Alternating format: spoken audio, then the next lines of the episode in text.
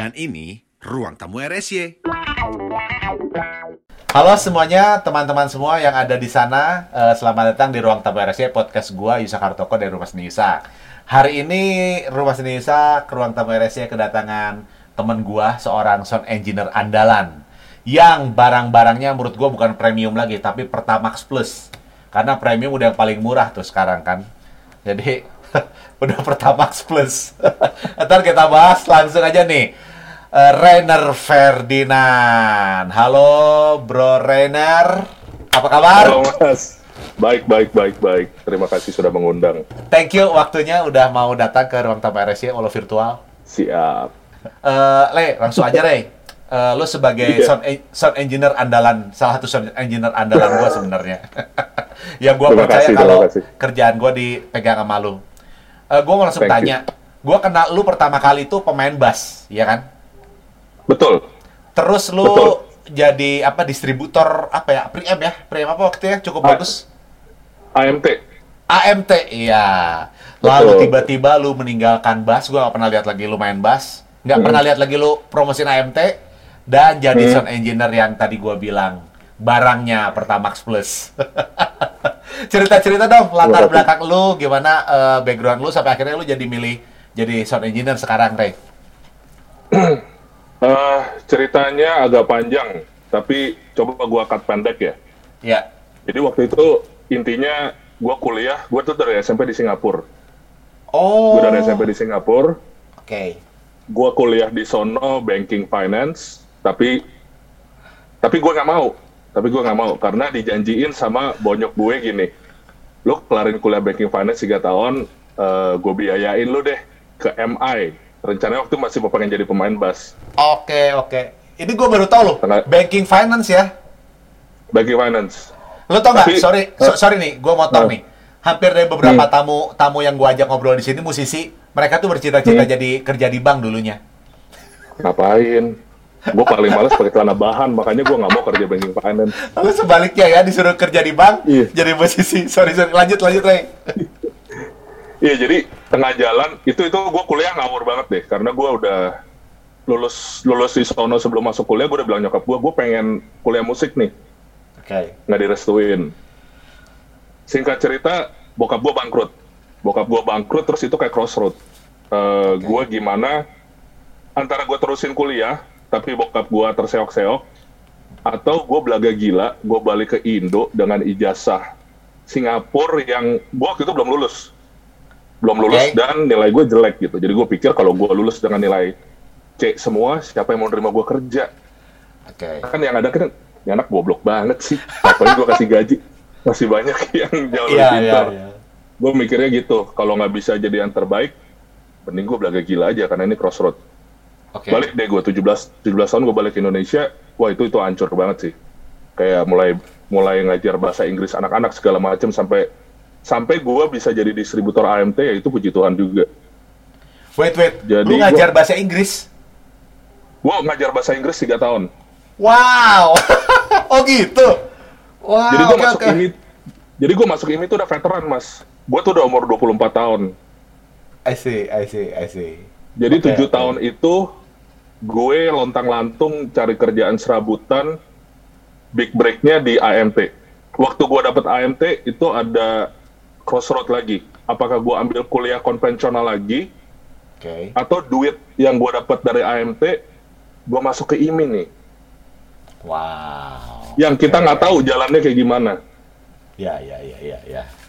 Tapi gue inget, gue balik lagi waktu gue mikir-mikir kayak gitu, gue inget eh gue ngerjain ini karena gue mau bermusik. Gue mikirnya gitu. Jadi cemplung lah gue ke ini. Pada umur 24 tahun. yang menurut gue udah telat dia gue kayak anjir gue tua banget cuma untungnya ketemu ada beberapa veteran ya kayak Banten segala macam gue toko juga lu sengaja gue udah temen deh walaupun gue paling toko kayaknya Iya, ya. Eh, waktu eh coba memang karena waktu kita ketemu tuh kita nggak pernah nanya umur sih ya. Kita semua tuh nggak pernah nanya umur Bener. ya. Santai Bener. semuanya ya. Dan- Oke. Dan anak-anak yang dari luar daerah juga ada yang umur 17 tapi kelihatannya udah kayak 28 kan mukanya udah tua banget. Jadi Itu jadi, bener. jadi gue masih ketolong di situ. Sih, sih, sih. Ya ya. Eh, Lalu gimana tuh bisa jadi shifting ke sound engineer sekarang? Eh, jadi waktu itu kan IMI boleh sebut nama ya? Boleh, boleh, boleh. Jadi waktu itu kan IMI cuma ada performance ya, performance bass. Terus eh, semester kedua dibukalah penjurusan musik audio production. Iya. Gue masuk tuh dengan pikiran gue masih pengen jadi pemain bass, tapi nggak mau dikibul-kibulin sama engineer. Jadi at least gue tahu pakemnya gimana gitu. Hmm. Tapi setelah 2-3 semester, lama-lama tuh bass berasa jadi kayu. Kayu doang, Mas. Biasanya kan lu pegang gitar, Ya. wah ini gitar enak banget nih. Gue udah mulai semester berapa, gue berasa kayak gue cuma megang bass gue sama gue megang furnitur meja, Sama. rasanya sama. Wow. Sama. bisa gitu ya?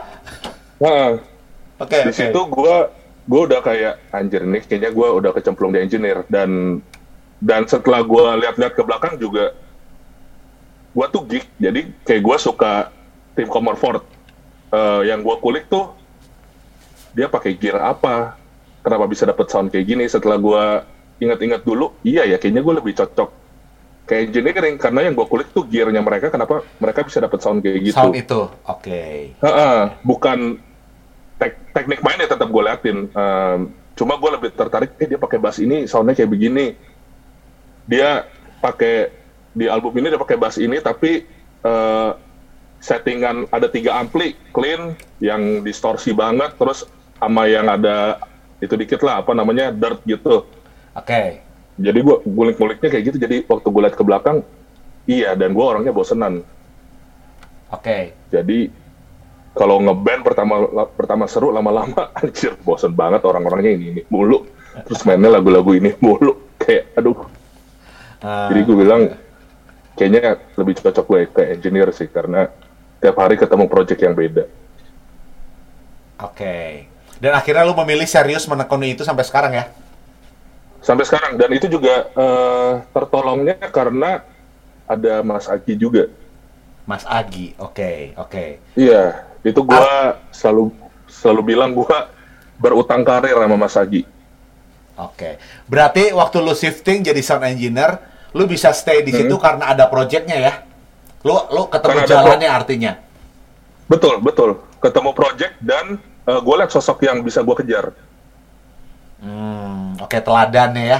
Role modelnya Telan- ada ya. Role model dan ini yang paling mahal sih. Gue dikasih kesempatan anak bocah nggak tahu apa-apa dikasih kesempatan untuk ke project yang gede, dicemplungin gitu. Gua mau tanya Itu deh yang sama mana? lu. Gua gua mau tanya. Gimana seorang anak bocah nggak tahu apa-apa dicemplungin ke proyek gede? Lu punya apa sebenarnya menurut lu ya sekarang? Atau mungkin lu pernah ngobrol-ngobrol sama Mas Agi, lu punya apa sampai akhirnya lu dicemplungin gitu?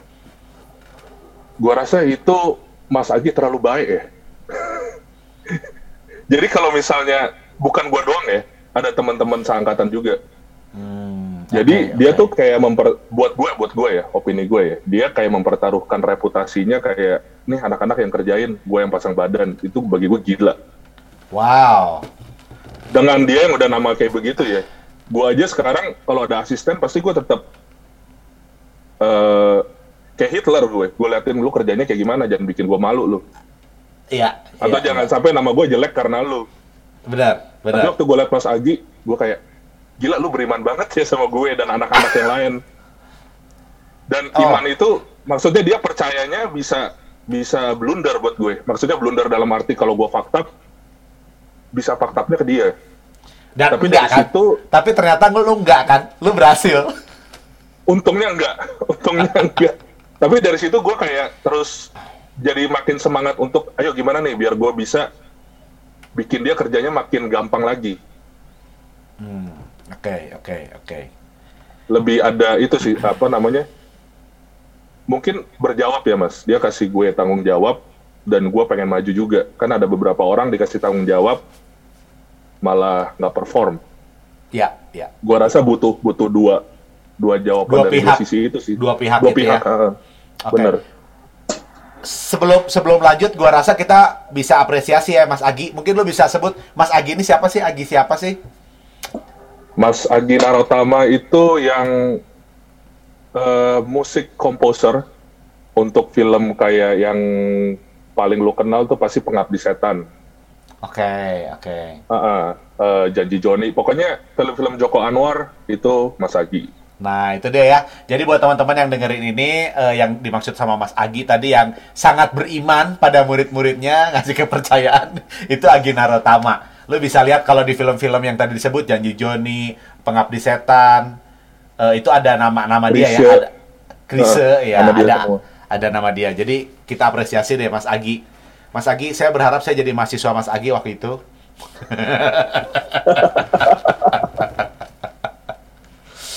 Oke, setelah lu berjalan, eh, pasti banyak proyek yang lu kerjain. Eh, mungkin lu Iya. bisa cerita proyek apa aja yang lu terlibat dan apa yang paling berkesan buat lu? Proyek apa? Proyek pertama yang bikin gue makin pede itu, eh, jadi ada stepannya sih sebenarnya sih. Eh, Yang ini tuh waktu itu MAP yang dibikinin magang sama Mas Aji, itu buat gue eye opening banget karena kayak semua pintu ke industri tuh dibukain ke lu. Lu maunya ke mana? Lu maunya ke mana? Lu maunya ke mana? Dan gue waktu itu milih, gue mau tahu rekaman orkestra yang bagus kayak gimana. Karena itu section paling mahal di sini kan. Oke, oke. Dilemparlah gue ke Mas Tommy Utomo. Itu Mas Tommy itu eh, megang Magenta Orkestra. Oke. Nah, gue dengan cita-cita gue adalah bawa pengetahuan gue itu ke film scoring. Gimana cara gue bisa mixing strings dengan bagus? Karena gue udah denger source yang bagus. Oke. Baru dari situ, itu modal utama gue untuk eh, ngebantu Mas Agi di film di film-film dia berikut-berikutnya. Oh, Oke. Karena gue udah dapet udah dapet diekspos ke rekaman strings yang benar dan proper banget. Mas Tommy yang gokil banget mixing stringsnya, gue gue kayak apa ya? Lu kayak dapet influence yang benar loh mas Oke. di awal-awal. Kan ada Di awal-awal. kan Oke. Heeh, kan PR-nya kalau di awal-awal kita udah kebiasa sama influence yang salah, balikinnya kan susah tuh. Susah, benar, benar. Setuju gua. Heeh, untuk andu andunya itu lebih lama daripada belajar belajar Belajarnya, iya, lagi. iya. Mm-mm. Iya, iya. Ini gue ibarat kayak bayi, terus gue langsung dicekokin sama yang bener, yang bener, yang bener, yang yang bener, yang bener itu, heeh. itu langsung ke bawah di eh, di itu gue di pikiran Iya. gue sih langsung kayak Habitnya langsung gitu. kebentuk, habitnya langsung gitu ya. Heeh. Standarnya Betul, langsung di situ. Yes. Oke, oke. itu tuh oke. baru baru gue mulai masuk ke film-film Mas Agi kayak Leher Angsa, Sang Kiai, eh, 724, Tiga Nafas Likas. Ada beberapa yang langsung dinominasi FFI, gue kayak wah anjir ini. Eh, dan dan gue jatuhnya gue sebelum gue mixing lagu mas, Iya, gue tuh mixing scoring buat film dulu. iya, iya, oke, oke. Jadi itu itu cinta pertama gue sih dan sampai sekarang masih gue kejar masih gue kejar terus. Oke. Eh, Scoring waktu gua film ya? transisi Mm-mm, waktu gua mixing ke lagu malah waktu itu agak kagok karena udah keseringan mixing film treatmentnya beda Iya, iya, benar, benar, benar.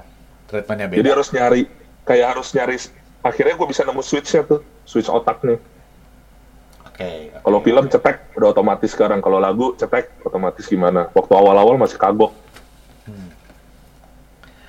Eh, yang paling berkesan proyeknya yang buat lu, wah ini gua, Oh, iya. gua berkesan banget apa?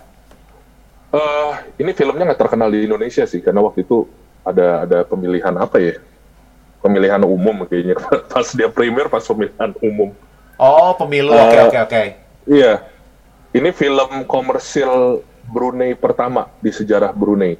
Namanya Brunei? Yasmin. Oh. Iya, Brunei Darussalam. Oke, Gue oke, diunjuk oke. Mas Agi jadi chief engineer-nya. Gua Rekaman pik- orkestra eh, sampai mixing final mix ke Bangkok, gue diajak semua. Dan gue Wah. harus tanggung jawab sama proyeknya semua. Wah. Itu yang paling berkesan. Gua pikir lu bakal bilang Gundala loh. Gundala gue nggak udah udah nggak sama Mas Agi waktu itu. Oh, oke. Heeh. oke. Jadi ada kayaknya gua rasa Mas Agi tuh kayak apa dia udah tahu anak-anak yang mana yang bisa dilepas sama dia gitu loh. Kayaknya lo udah harus jalan sendiri atau apa. Keren ya. Mas Agi ini mana? Gue belum pernah lo ngobrol sama Mas Agi. Gokil gokil. Oh, Mas oke. Agi eh gue belajar gue belajar apa ya? Kalau gue kan orangnya outspoken kan, gue nggak suka gue ngomong, Ngomong, gue apa oke. segala macam. Mas Agi itu kalau lu udah lama kerja sama dia, lu bisa baca dari gerakan tubuh sama dari eh, dia jawab, dia ngerespon sesuatu. Dia Jadi- suka atau enggak, dia enggak apa dia marah atau enggak maksudnya gitu.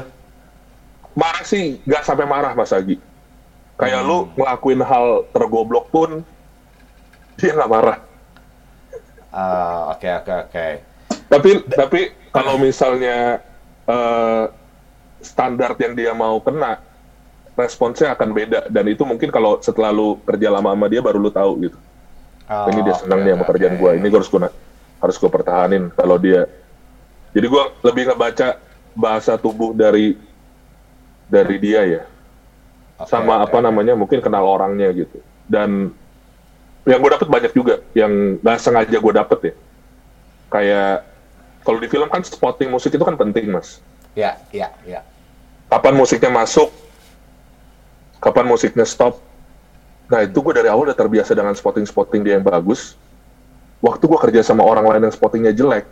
Berasa langsung ya. langsung berasa. Lo masuknya di sini?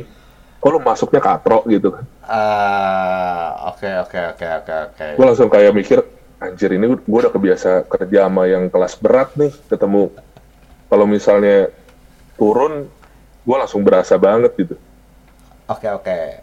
Itu itu itu menarik tuh. Tapi sebelum gue lanjut, apa tadi judul filmnya? Yasmin Yasmine tulisannya Yasmin. Eh, kalau Mhm. misalnya orang mau tonton di mana tuh? Eh, bisa nonton di mana sekarang? Netflix ada nggak? Atau di mana? YouTube Netflix ada? gue belum gua- Netflix gue belum lihat Netflix gue belum lihat Hmm. soalnya itu project yang didanain sama pemerintah Brunei juga gue nggak tahu apakah akan di Untuk apakah umum akan atau dijual enggak ke- gitu? Heeh, iya Oh. Waktu itu sih muncul muncul di itu ya udah udah promo ke Asia semua segala macam udah promo semua cuma gua nggak tahu apakah mereka kerja sama OTT mana sekarang karena itu film tahun berapa ya 2000 2014 atau 15 Oke oke. Jadi kalau yang dengerin juga mau dengerin, mau tahu tuh filmnya yang dikerjain Render yang bikin dia berkesan kayak apa? Filmnya Yasmin judulnya, film Brunei itu. Gue juga nggak tahu tuh carinya di mana ya. Eh, tapi yang pasti Yeah. bukan di XNXN itu bukan XNXN apa? Gua nggak gua nggak terlalu tahu tuh situ situ nggak ada ya, bukan ya bukan di situ ya. Kayaknya harus gua cut ini ya. Harus gua cut. Gak apa-apa. Gak usah.